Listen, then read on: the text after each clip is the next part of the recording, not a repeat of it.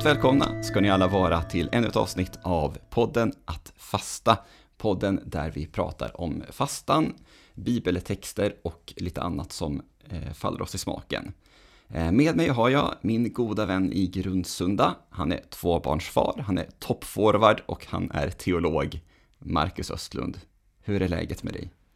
Ja, nu blev det fantastiskt när du benämnde mig som toppforward. Var länge sedan jag, jag fick identifiera mig med, med den rollen.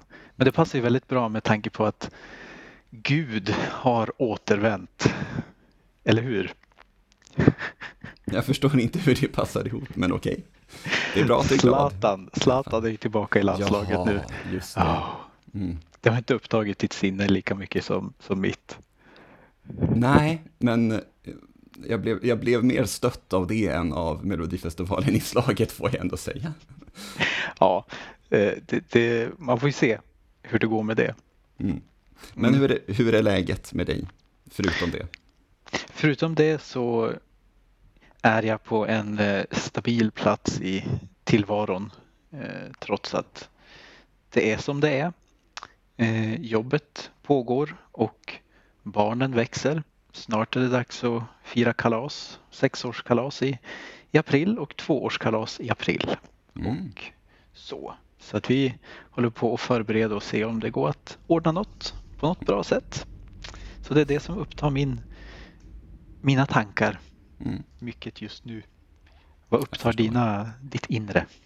Snart så kommer, eh, så kommer en födelsedag, en, en allra första födelsedag i min familj. Eh, Ett, ett litet barn som ska födas. Eh, Så om det någon gång kommer en vikarie till den här podden så förstår ni varför, varför det händer. Precis. Yes. Och eh, jag tänker att vi helt enkelt eh, går rakt på sak. Och eh, den här veckans bibeltext. Vad har du för spännande till oss? Jag erbjuder denna vecka en söndag som liksom kommer in lite från sidan. Mitt i fastan så brukar vi alltid få eh, ta del av en söndag som har rubriken Jungfru Marie bebådelsedag. Och varför är det så? Jo, det är för att det är eh, ungefär nio månader kvar nu tills Jesusbarnet ska födas under jul. Så då firar man så att säga bebådelsen när, när Maria blir gravid eller befruktad eller hur man ska säga.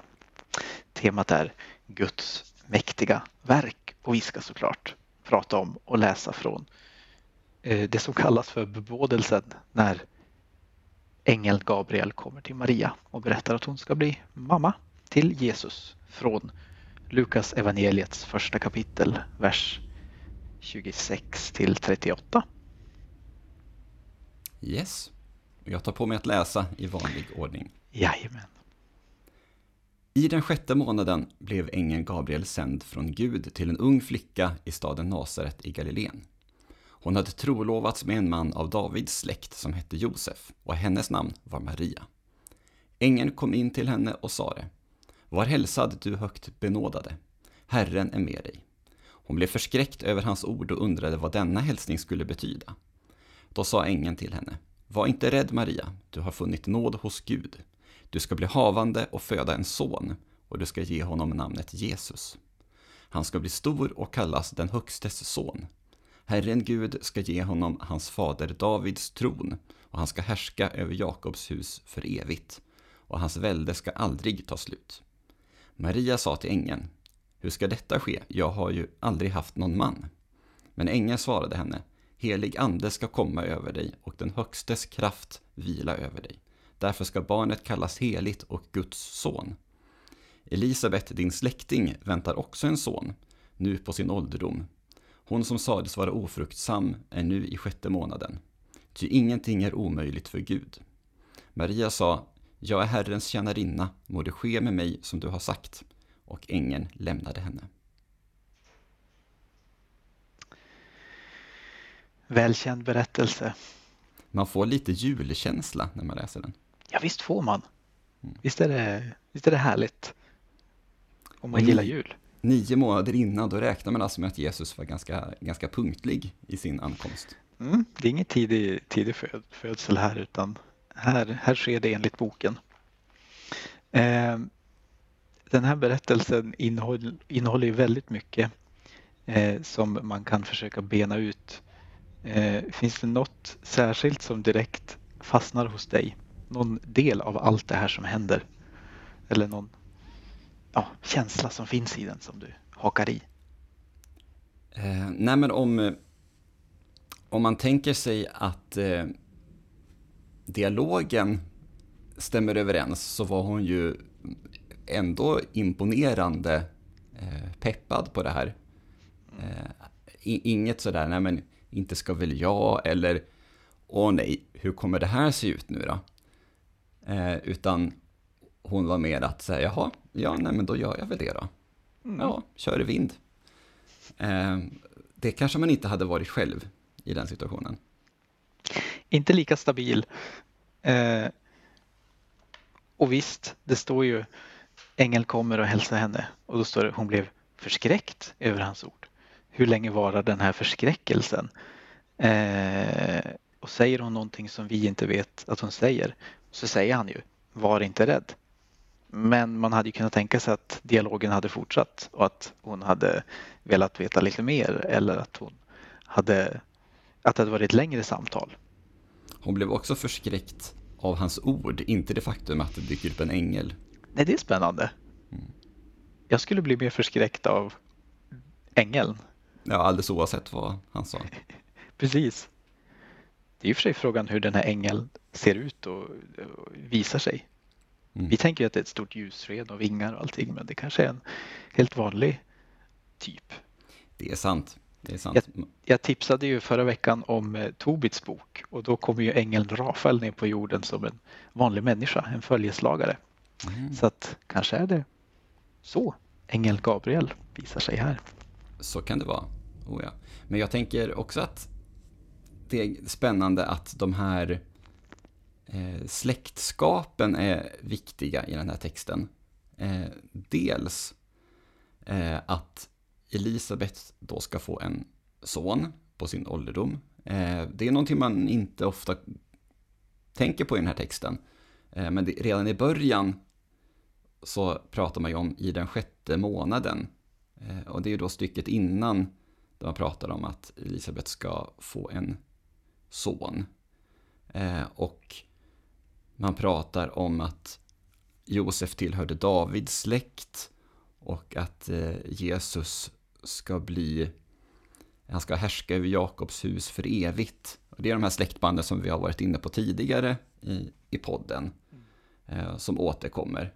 Eh, så det är två saker också som jag inte riktigt har tänkt på när jag har hört den här texten. Och den hör man ju ändå varenda jul. Mm. Eh, men precis. Och det som är intressant med Lukas i det här sammanhanget, det är att han bygger upp eh, hela sin inledning till sitt evangelium utifrån eh, Elisabet och Maria eller egentligen utifrån Jesus och Johannes döparen. För det barn som Elisabet ska föda är ju Johannes döparen. För att det börjar ju, evangeliet börjar med en enkel hälsning först, eller han berättar. Han har ju skrivit evangeliet till en som heter Teofilos och så skriver han nu ska jag redogöra för allt som händer här. Och så börjar han att redogöra för löftet om Johannes döparens födelse och allt som händer där. Sen kommer löftet om Jesu födelse, den här texten. Sen så träffas Maria och Elisabet, hon beger sig iväg och träffar henne. Sen så föds Johannes döparen. Sen så föds Jesus. Sen så uppträder, som man säger, Johannes döparen. Alltså han ja, börjar sin verksamhet. Och efter att han har gjort det så blir Jesus döpt. Och sen kommer en släkttavla och då har vi kommit fyra kapitel och efter det så börjar liksom evangeliet. Då börjar verksamheten. Eh, så det här är ju i början av Lukas försök att förklara varför Jesus och Johannes döparen hör ihop och varför Johannes döparen är viktig också. För att han föregår ju Jesus hela tiden. löftet om, löftet om hans födelse och att han föds och att han uppträder. Men när han uppträder, vad, vad innebär det? Alltså han heter döparen. Döper han folk liksom innan Jesus? Mm. Jo, precis. Eh, han är den som banar väg för Herren, som det står i Markus evangeliet. Alltså han är eh, enligt löftena från Gamla testamentet när den nya Messias, när den utvalde konungen kommer, som är Jesus är, så ska det först vara någon som går före och banar väg och förbereder människor på att ja, men nu kommer han snart. Var beredda. Stå inte bara och vänta med händerna i, i byxfickorna utan, utan snart. Och han startar en rörelse där han ja, döper människor. Eh, dop är ju en kristen företeelse. Det är det ju. Även om det finns reningsriter i alla religioner så själva dopet är ju, är kristet. Och han döper ju också Jesus. Inte för att Jesus behöver bli fri från synd eller något sånt utan för att ja, skriften ska uppfyllas. Eh, så att han, syftet med han är att visa för folk att ja, men, han, han förbereder vägen för Jesus. Det är ju lite häftigt. Mm. Eh, men jag tänker, för huvudpersonen i just den här texten som vi läste, eh, det är ju Maria, mm. Jesus mamma. Mm. Eh, jag tycker att vi generellt sett i den protestantiska kyrkan pratar ganska lite om henne jämfört med katolska och eh, även ortodoxa kyrkan. Hur kommer det sig? Det är en eh, lång och spännande historia som man skulle kunna ha en helt egen podd om och som det garanterat finns helt egna poddar om. Men eh, ska man säga grunden till det landar väl någonstans i att eh, när reformationen inträffade så att säga på 1500-talet och Martin Luther och flera andra eh, ville reformera katolska kyrkan men sen blev det så att de startade egna protestantisk, protestantiska kyrkor så fanns det mycket som man ville rensa bort, alltså mycket av som man menade avgudadyrkan eller saker som kyrkan gjorde som man tyckte var fel och stred mot Bibeln.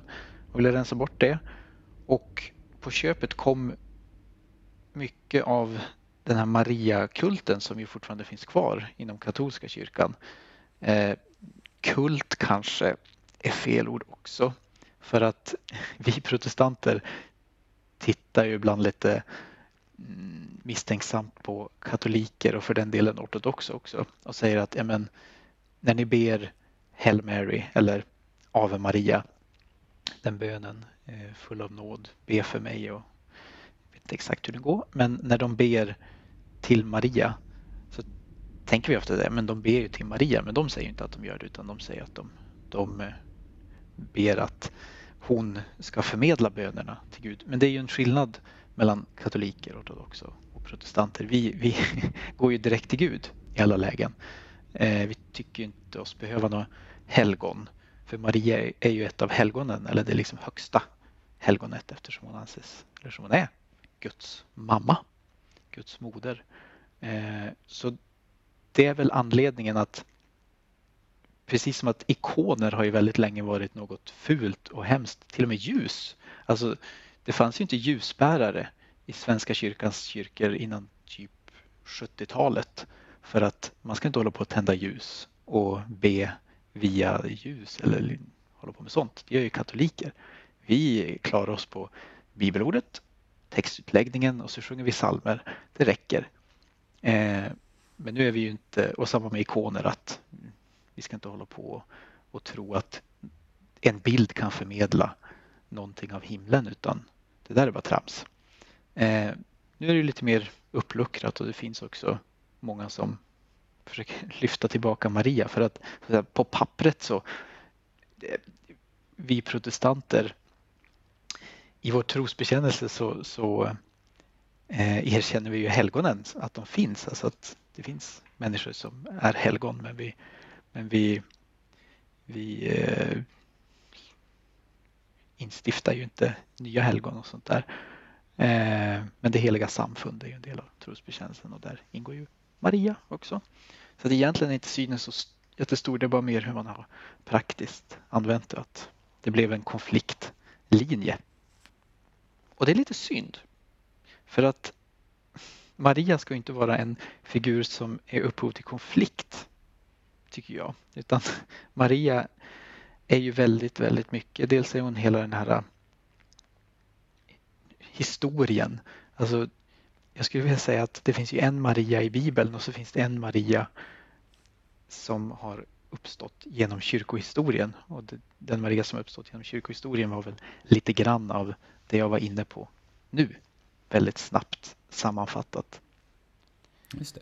Men om, om man då säger i, i Bibeln, eh, vi kan ju utgå från den här texten, eh, men Bibeln i stort också, eh, vad får vi reda på om Maria? Vad, vad gör hon och vad, vad kan man liksom få ut av Bibeln när det kommer till Maria? Ja, mycket av det man kan få ut av Bibeln och Maria, det är från Lukas. De här fyra kapitlen som jag var inne på. Eh, texten som vi har läst idag, sen när Jesus föds. Sen finns det också en episod något kapitel senare, om det är kapitel 4 tror jag, när eh, Jesus är 12 år och i templet och eh, han eh, är där för hela hans familj och hans släkt är där. Sen så går Josef och Maria tillbaka där de bor eh, från Jerusalem. Men sen upptäcker de att han är inte med i sällskapet och då går de tillbaka till templet och så ser de att han sitter och undervisar de lärda. Och så blir de alldeles förskräckta och de undrar, men hur kan du göra så här mot mig? Eller mot oss? Hur kan du lämna oss? Och varför följde du inte efter? Eh, och så svarar Jesus att, ja, men förstår ni inte att jag måste vara hos min far?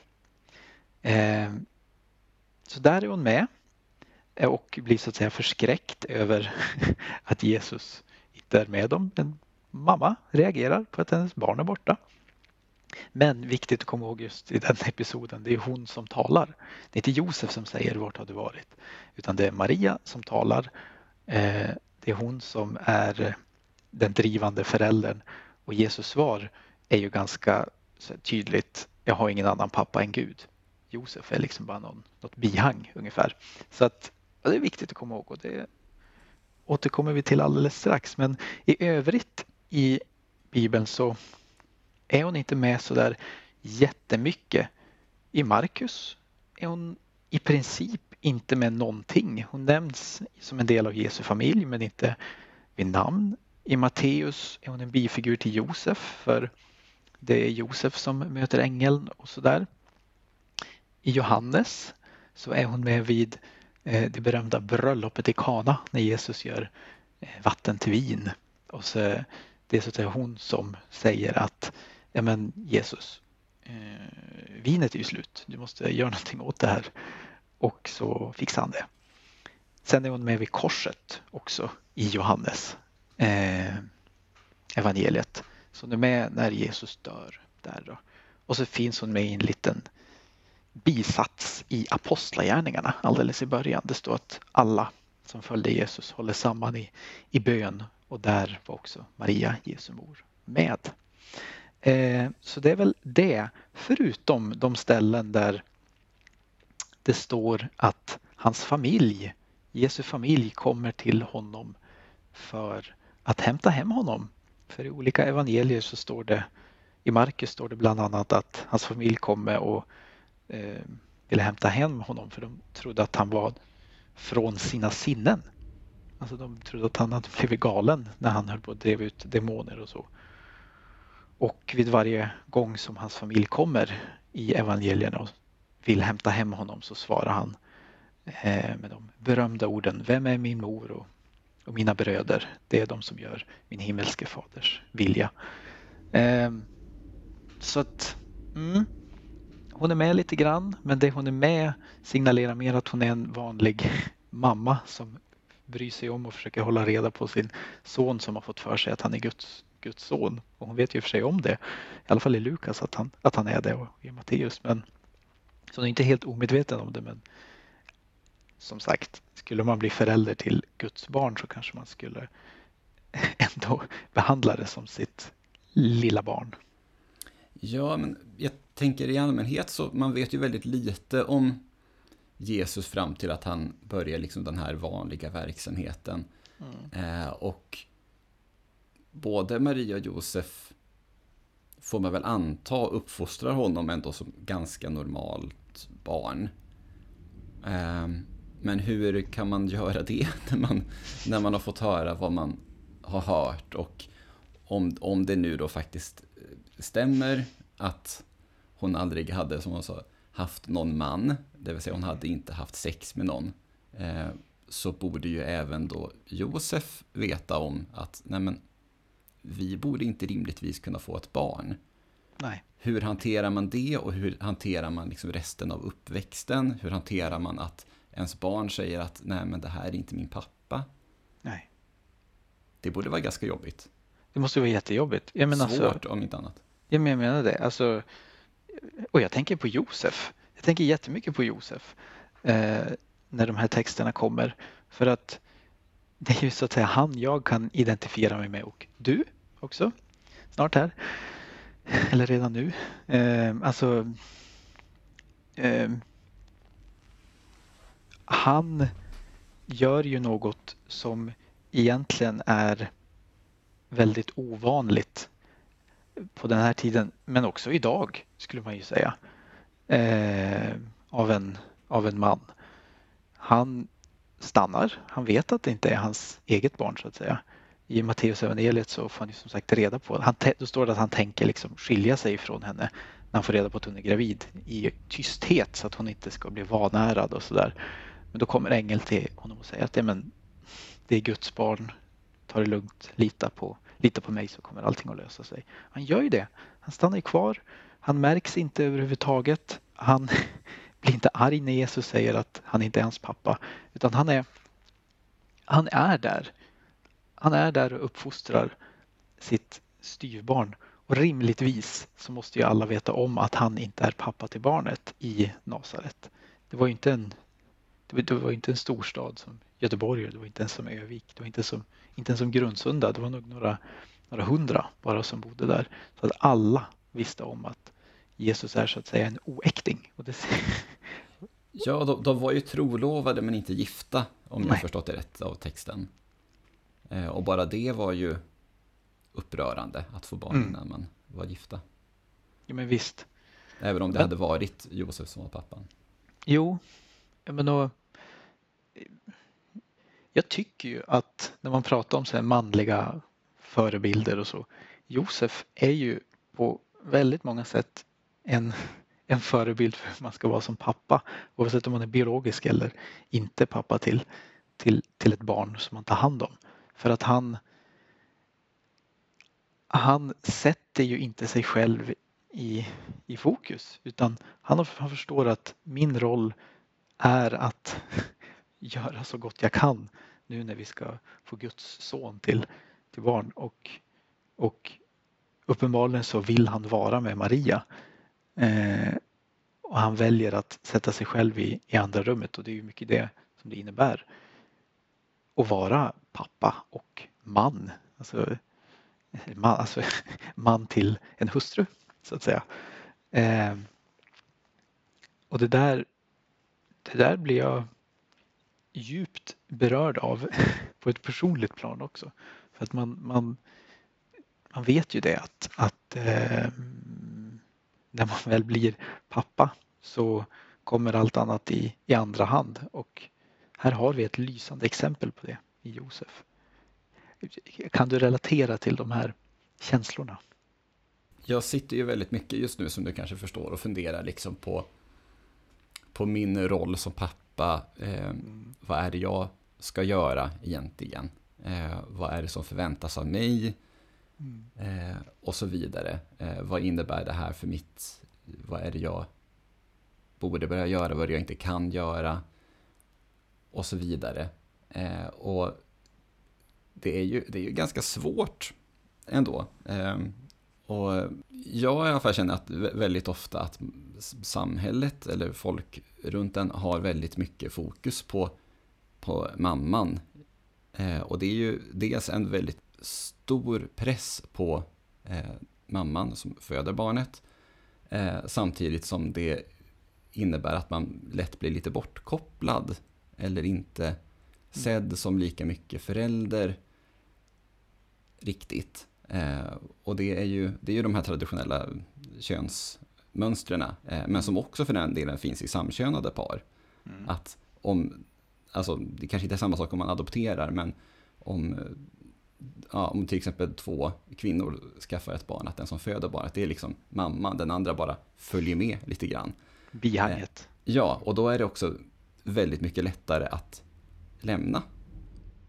Och det finns ju jättemånga exempel på människor som har fått barn och man har gjort slut eh, och man har blivit en ensamstående förälder och det är nästan alltid, eh, nästan alltid mamman som, som blir det. Mm. Eh, och då är det väldigt, då är det ju väldigt fint att, att se att här att han, ja men dels då han, han tror på henne när hon säger att nej jag har inte varit otrogen. Mm. Det här är Guds barn.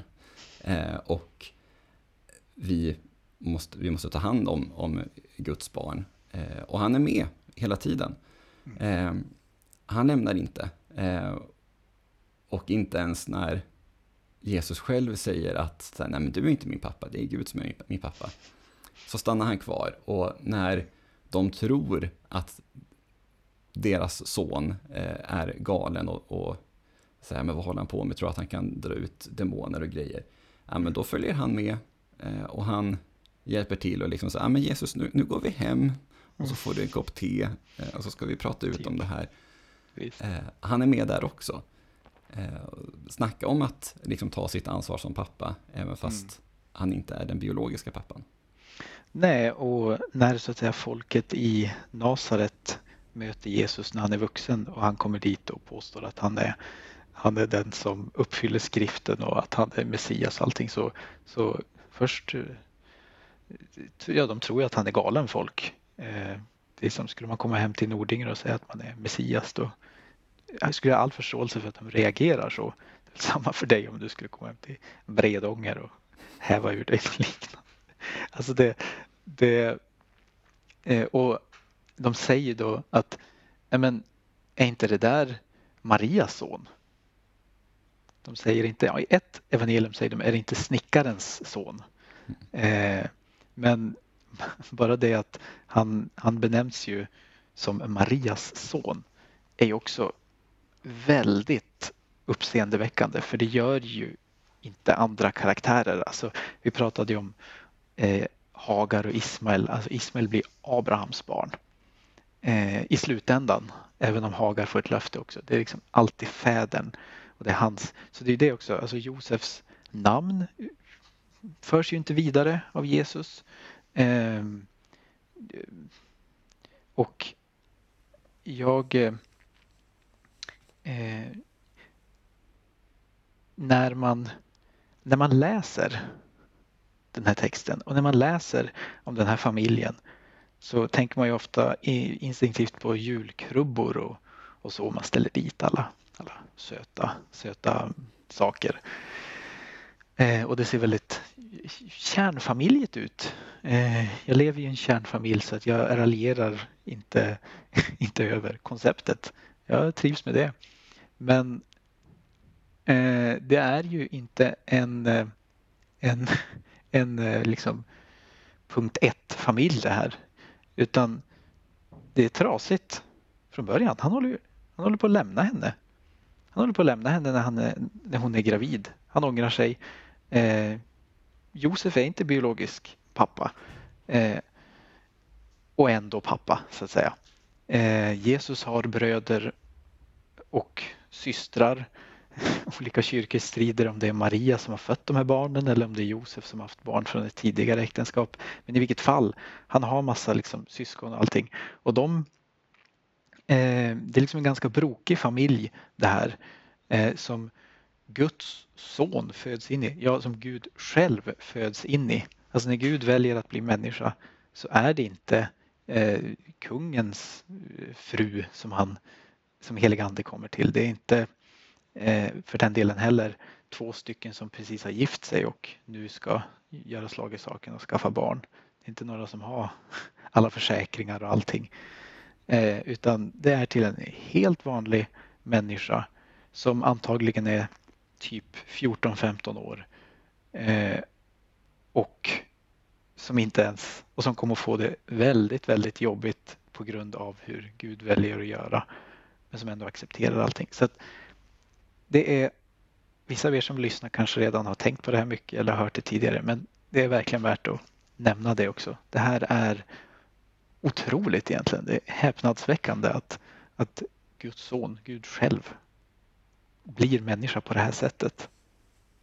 Ja, och jag, jag tänker att hade, hade man sökt efter någon som kan bli liksom talesperson eh, för någonting, mm. eh, eller man tänker att det, man ska, någon som kan liksom genomdriva stora förändringar, så är det ju oftast en ganska privilegierad person man måste söka. Någon som känner folk, någon som har liksom bra... Eh, någon som folk ser på som att det här är ett föredöme redan. Eh, men det är klart, en, en oäkting i en eh, snickarfamilj, det, det, är ju, det är ju inte de bästa förutsättningarna från grunden, om man säger så. De som blir eh, partiledare, eh, de som mm. blir eh, presidenter, kungar för den delen som verkligen föds in i, i en sån roll. Eh, det är ju generellt sett inte folk från sådana brokiga bakgrunder. Det finns såklart undantag, absolut. Mm. Men framförallt i den här tiden. Mm. Där det var liksom just den här grejen att man är oäkting. Mm. var ju väldigt uppseendeväckande. Och ingenting som gjorde att man kände att det här är en person som vi borde lyssna lite extra på, snarare verkligen tvärtom. Mm. Exakt, och bara det faktum att det är med i Bibeln är ju egentligen uppseendeväckande för att säga att det eh, hade hänt så här eh, och så ska man sitta och skriva ner hur det hände. Alltså, man blir ju frestad då som författare att slira lite på sanningen, att inte ta med hela den här eh, konstiga grejen om att de inte är gifta. Det vill bara att skriva dit att ja, men, eh, Josef och Maria var gifta och så kommer heliga ande till dem. Alltså, allting skulle bli så mycket enklare. Eller bara inte nämna. Eller bara inte att, nämna att det. Att de inte var gifta. Ja. Nej, precis. Inte ta med Josef överhuvudtaget. Det, och det är intressant varför man gör så. Varför man ändå har med något som är så oerhört kontroversiellt. Det är lite samma sak som med uppståndelsen, att det är kvinnor som är framme vid graven först. Och vi, att Jesus visar sig för kvinnor först, för Maria från Magdala. De var ju inte trovärdiga vittnen på den här tiden.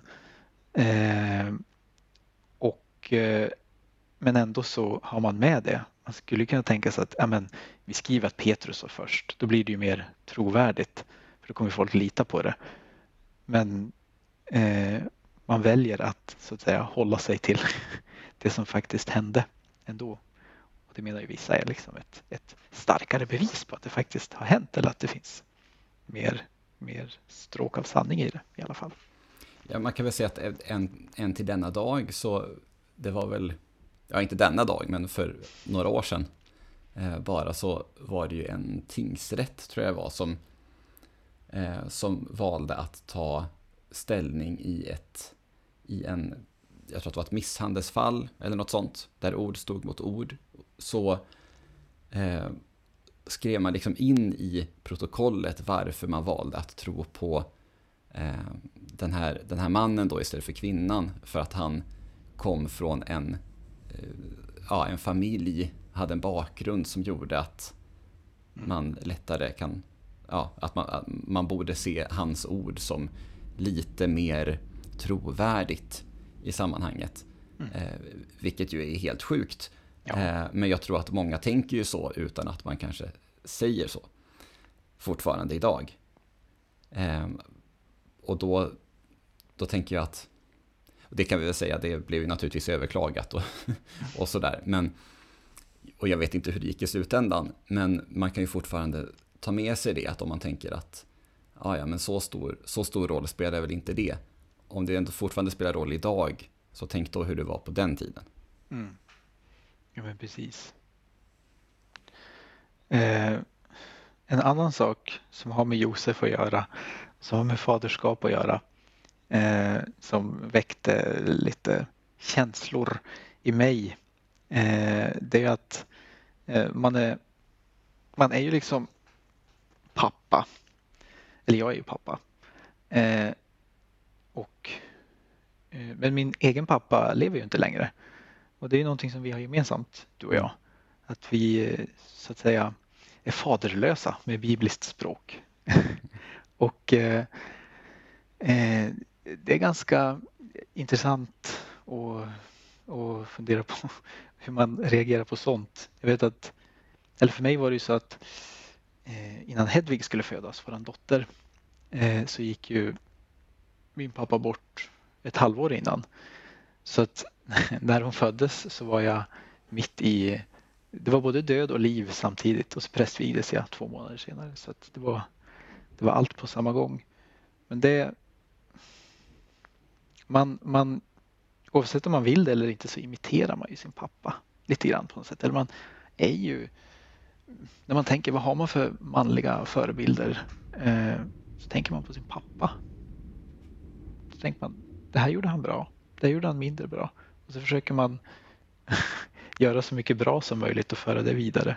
Eller vad, vad, vad tänker du om det här med faderskap? Jo, det, det, är sant. Nu, nu i vintras så eh, skrev jag faktiskt en text. Jag skriver ju väldigt mycket texter eh, för att rensa ut mina tankar och de flesta blir aldrig offentliga. Och nu när du säger det här så kommer jag tänka på en sån som jag skrev att kanske framförallt sen min pappa gick bort så har mer så, det var ju fem år sedan, sex år sedan snart.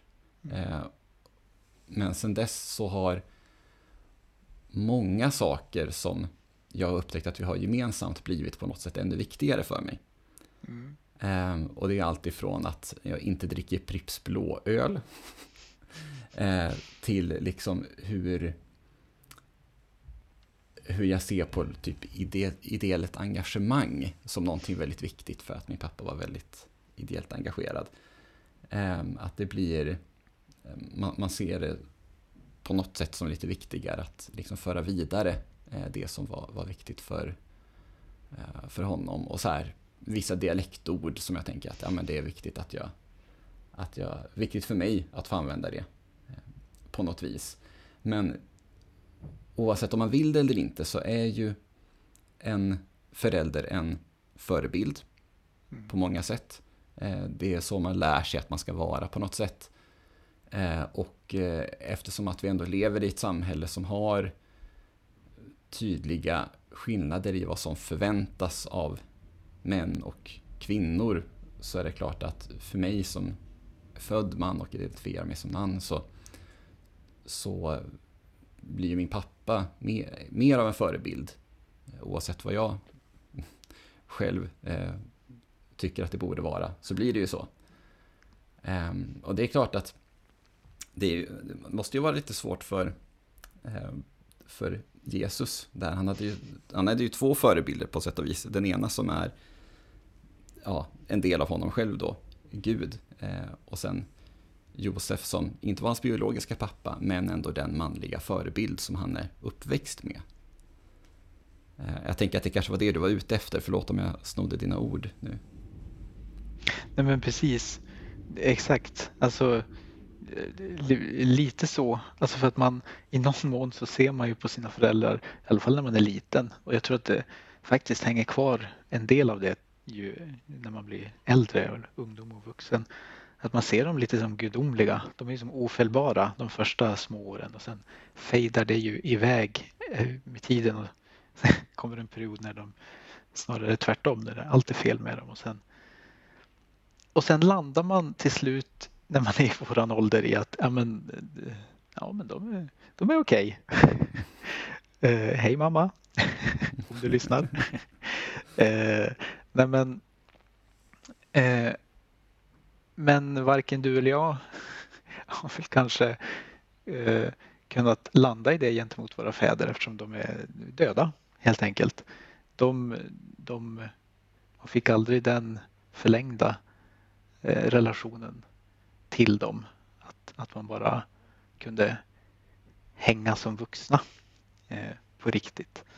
Eh, och det, det, liksom frånvaron av en pappa kan jag sakna väldigt mycket emellanåt. Och det, eh, man ska inte identifiera sig med Jesus. Det tycker jag faktiskt inte, för Jesus är ju, är ju någonting mer än bara, bara människa. Men om man ska göra det så kan man faktiskt göra det i sånt här fall för att han har en närvarande pappa i Josef men han har ju också en pappa som så att säga är väldigt långt borta. Även om han pratar med honom, han drar sig iväg i enskildhet och allting och ber så har han på något sätt fått ett uppdrag från sin himmelske far att, att det här eh, uppdraget som du ska göra och det kommer leda till, ja, till det här. Men, men den där från, frånvaron, det måste jag ha gjort någonting med honom. Mm. Jag menar, nu, nu var ju vi i hyfsat vuxen ålder eh, när våra fäder gick bort, men att, att växa upp utan en i alla fall biologisk far. Nu var han 12 när han sa det här att, han, att Josef inte inte min pappa. Eh, mm. Och då, då kanske man precis har kommit in i den här fasen när man tycker att allt föräldrarna gör är fel. Men att växa upp liksom hela tiden och att ha en bättre relation då med, med sin, eller i alla fall en närmare relation med sin mamma. Eh, jag vet inte vad jag tänker. Nej men och allt det här sammantaget gör ju den här berättelsen väldigt, väldigt intressant just att för oss som ja, män och eh, pappor eller blivande pappa så kan man identifiera sig med Josef delvis. Eh, mm, som kvinna så kan man och mamma kan man antagligen identifiera sig med Maria för en graviditet är ju är väl alltid på något sätt chockartad ändå även om man inte ska föda Guds son och det händer ju väldigt mycket i det. Och eh, som familj så kan man också identifiera sig med att det är inte så, så himla lätt alla gånger heller. Eh, och det stora, det centrala i den här är väl ändå trots allt det som jag var inne på tidigare. Det här med att Jesus blir människa. Och som jag sa, det uppseendeväckande är ju hur det går till. Eh, man skulle kunna ha grävt mer i, i det här med hur gick det egentligen till då? Eh, det gjorde vi inte och det måste man inte göra. Utan det jag tror att Lukas vill förmedla med att få med det här är att, är att få folk att förstå att eh, ja, men Jesus var Guds son helt enkelt. Jesus är Guds son och det var så här det, var så här det hände. Eh, det tycker jag är en väldigt bra sammanfattning av de senaste 40 minuternas diskussion kring det här. Det hade vi kunnat prata minst 40 minuter till om också. Men tiden börjar rinna iväg och eh, vi har ju de här oerhört viktiga topp-tre-listorna, som, eh, som vi har börjat återkomma till här nu. Marcus, vad var det du utmanade mig med för topp-tre-lista? Ja, men vi gick igång på, på det, det kristnas indignation över mellanakten i Andra chansen som är jättelänge sedan nu. Vi ligger efter hela tiden. Eh, när det var massa folk som gjorde narr eller som hade en sketch i en kyrka. Jag är inte säker på att de gjorde narr av kristna egentligen. Eh, men det pratade vi om i förra avsnittet så om ni vill höra det så, så kan ni lyssna på det. Men då sa jag topp tre kristna grejer att göra narr av. Tänkte jag. Det finns ju mycket i det. Och mm. Eh, mm, vad, vad, vill man se för satir över kristna egentligen? Eller hur tänkte du med den här utmaningen? Ja, jag tänkte att om jag hade varit eh, med i en sån satirgrupp och vi ville göra något religiöst och vi ville rikta in oss på kristna. Vad hade jag då gjort. Och det, det gör lite ont att fundera på det faktiskt. Det, det, får, det får jag ju medge. Eh, men jag har ändå landat i tre olika saker som jag tänkte hade, hade kunnat funka eh, utifrån min eh, förkunskap i alla fall om de här. Yes. På tredje plats skapelseberättelserna. Det är en sån stor fråga och det är så... Ja, men jag vet inte, när man läser så får man ju verkligen bilden av, av hur Gud liksom skapar hela universum i princip. Det är ju väldigt stort. Och hur man liksom i, i sex dagar bara liksom bang, bang, bang. Eh, och sen sjunde dagen, vila. Och det kanske är framförallt den här sjunde dagen som jag tänker hade varit något eh, som man skulle kunna, kunna göra. Eh, jag kan tänka mig också att när han var klar på kvällen den sjätte, eh, den sjätte dagen, att man den kvällen kanske firar, kanske är lite bakis den sjunde dagen. Eh, och sen tänker jag också de, de, flest, de första människorna, eh, deras relation till Gud och också sådana här stora grejer som kan, kan, jag kan tänka mig att det kan bli ganska... Man skulle kunna göra bra satir av det. Jag har inte alla uppslag för det, men eh, om eh, Groteska behöver en manusförfattare så eh, vet de vart jag finns. Alltså, ja. Sjunde dagen. Vad gör Gud på sjunde dagen? Vila. Vad innebär det? Ingen skärmtid eller? Och eh, ja, men lite det här första, första människorna, deras relation med Gud som ändå har skapat dem. Alla har ju, återkommer vi till det här att, att eh, liksom, vem är det som har skapat mig? Jo, men det är mina föräldrar eller har man blivit adopterad så liksom får man reda på det. Så det här känns som att de första människorna var Guds husdjur lite grann. Eh, nu närmar vi oss något spännande här. Ja, precis, mm. precis. Men vi ska inte gå för långt in på det. Mm. Andra plats. Eh, så tänker jag schismen.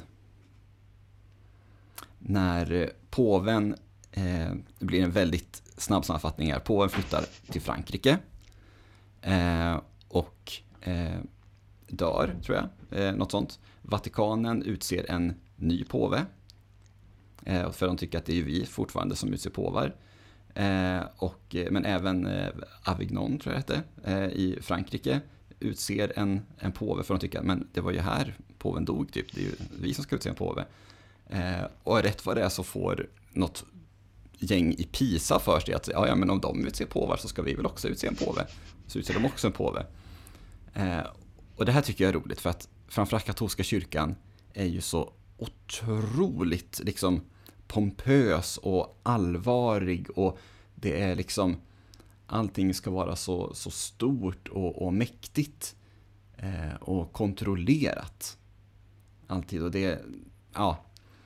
Och då är det väldigt kul när en sån här eh, sån här oreda uppstår och att folk liksom bara får för sig lite saker. Nej, men det är vi som utser påve. Nej, det är vi som utser påve. Ja, varför kan inte vi också utse en påve då? Eh, och den här oredan som blir, eh, tycker jag känns som att det hade varit det hade varit kul att få en lite... Ja, eh, om, om någon hade, hade vågat, det kanske man har gjort i och för sig, eh, köra lite grann på det. Wow, det, det vill jag också se. Det är så långt bak i tiden också så att det är ingen som kan bli upprörd, tänker jag. Eller ja, jo, det är garanterat. Vatikanen blir ofta upprörda över saker i och för sig. Alltså det, ja. Det, det var den här The Two Popes som jag tyckte i övrigt var en väldigt, väldigt kul film. Det är också en sån, på, så här, påven går i pension och det kommer en ny påve, mm. de sitter och kollar på fotboll tillsammans. Mm. Alltså, det är ju, det är ju sådana grejer som blir väldigt roliga just för att det är mm. påven vi pratar om. Ja, precis. precis. Ja, första Bra. plats. Första plats.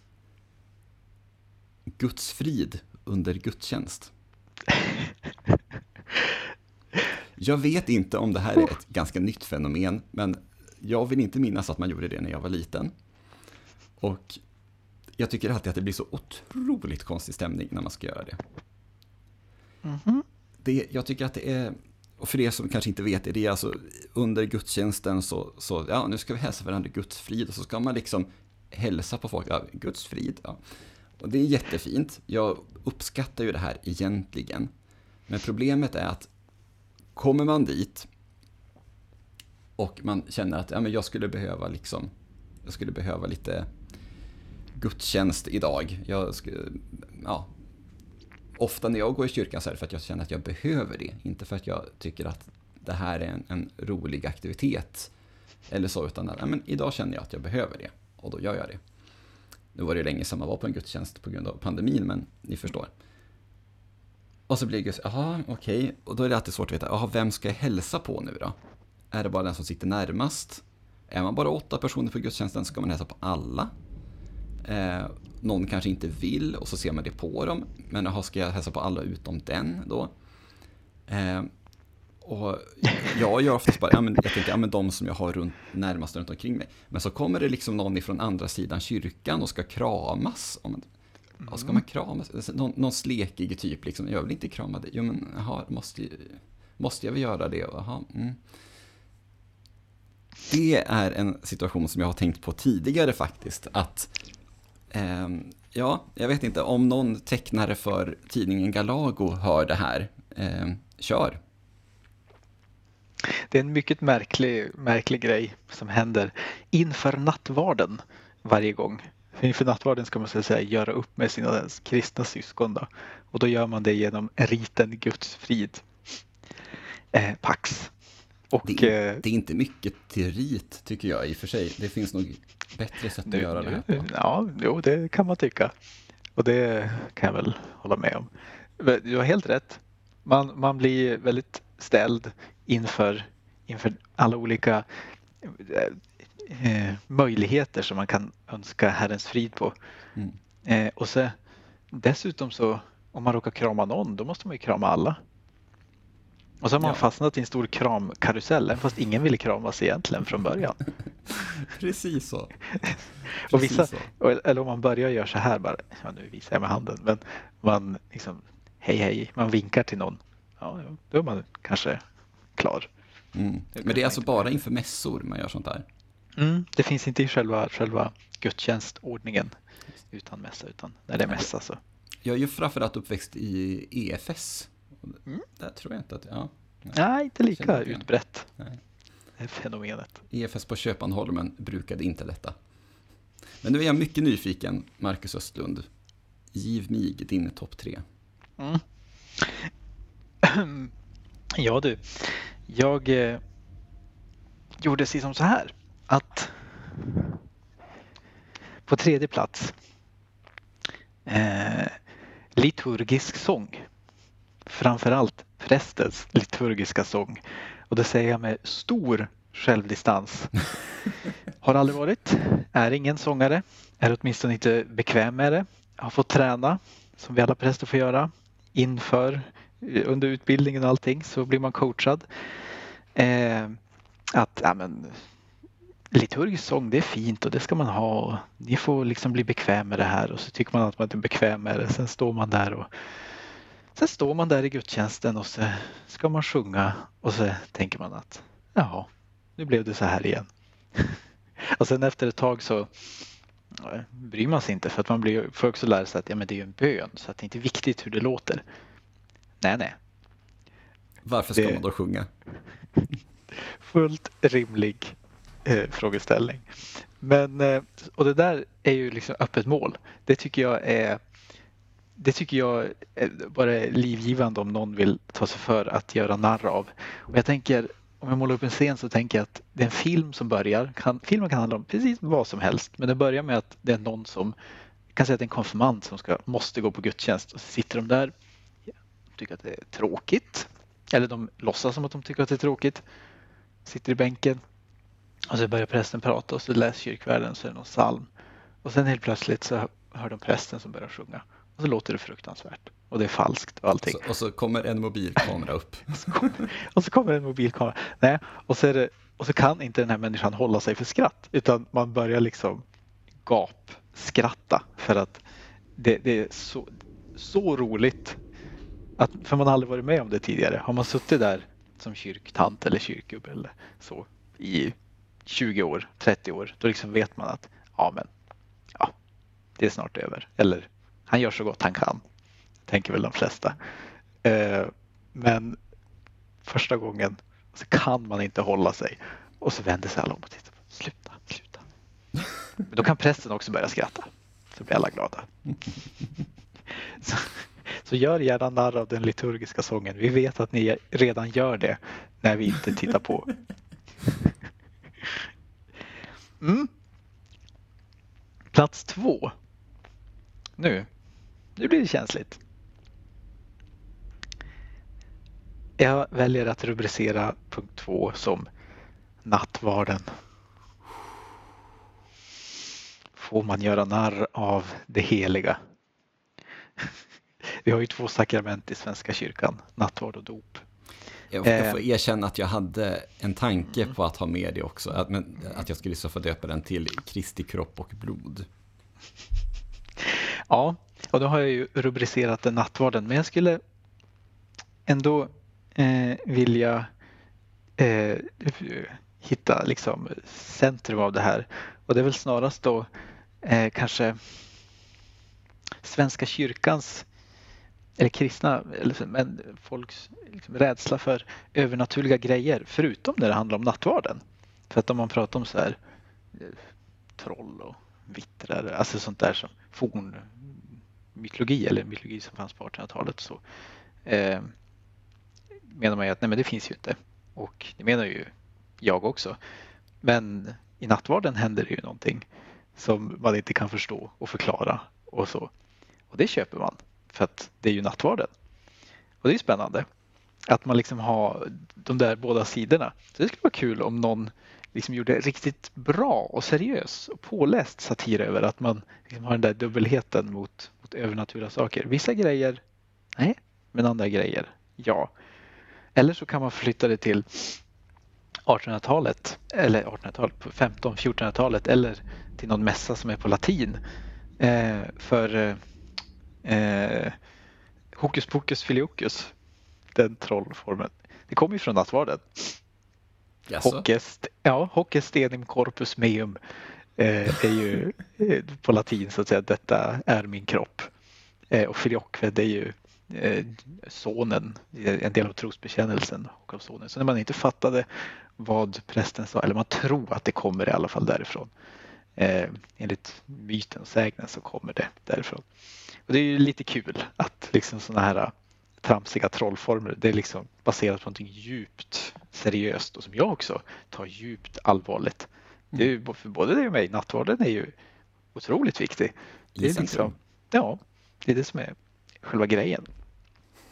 Eh, det var men jag gärna, mm. ja, ja, men jag tänker man måste, man måste våga här. Det gör gärna, om det är någon som gör bra satir av det, påläst satir, inte bara liksom något slams och trams utan ska inte balla ur utan nej.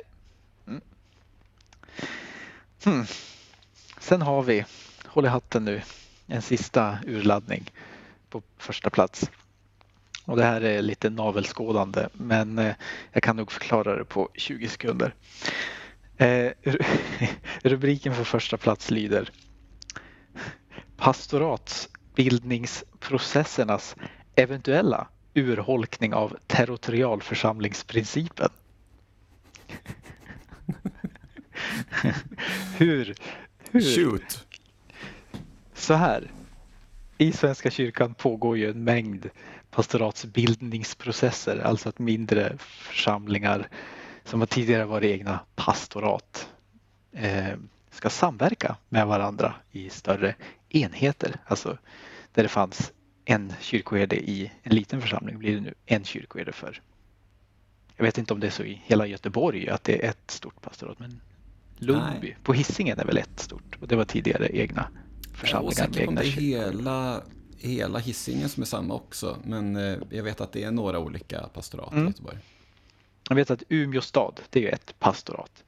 Mm. Då är det en kyrkoherde för hela Umeå och eh, tidigare fanns det sex kyrkoherdar.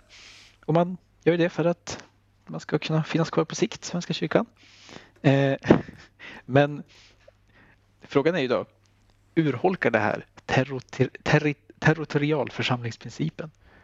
Vad är det för någonting? Jo, det är ju lagstadgat att Svenska kyrkan ska täcka hela Sveriges land, hela Sveriges yta.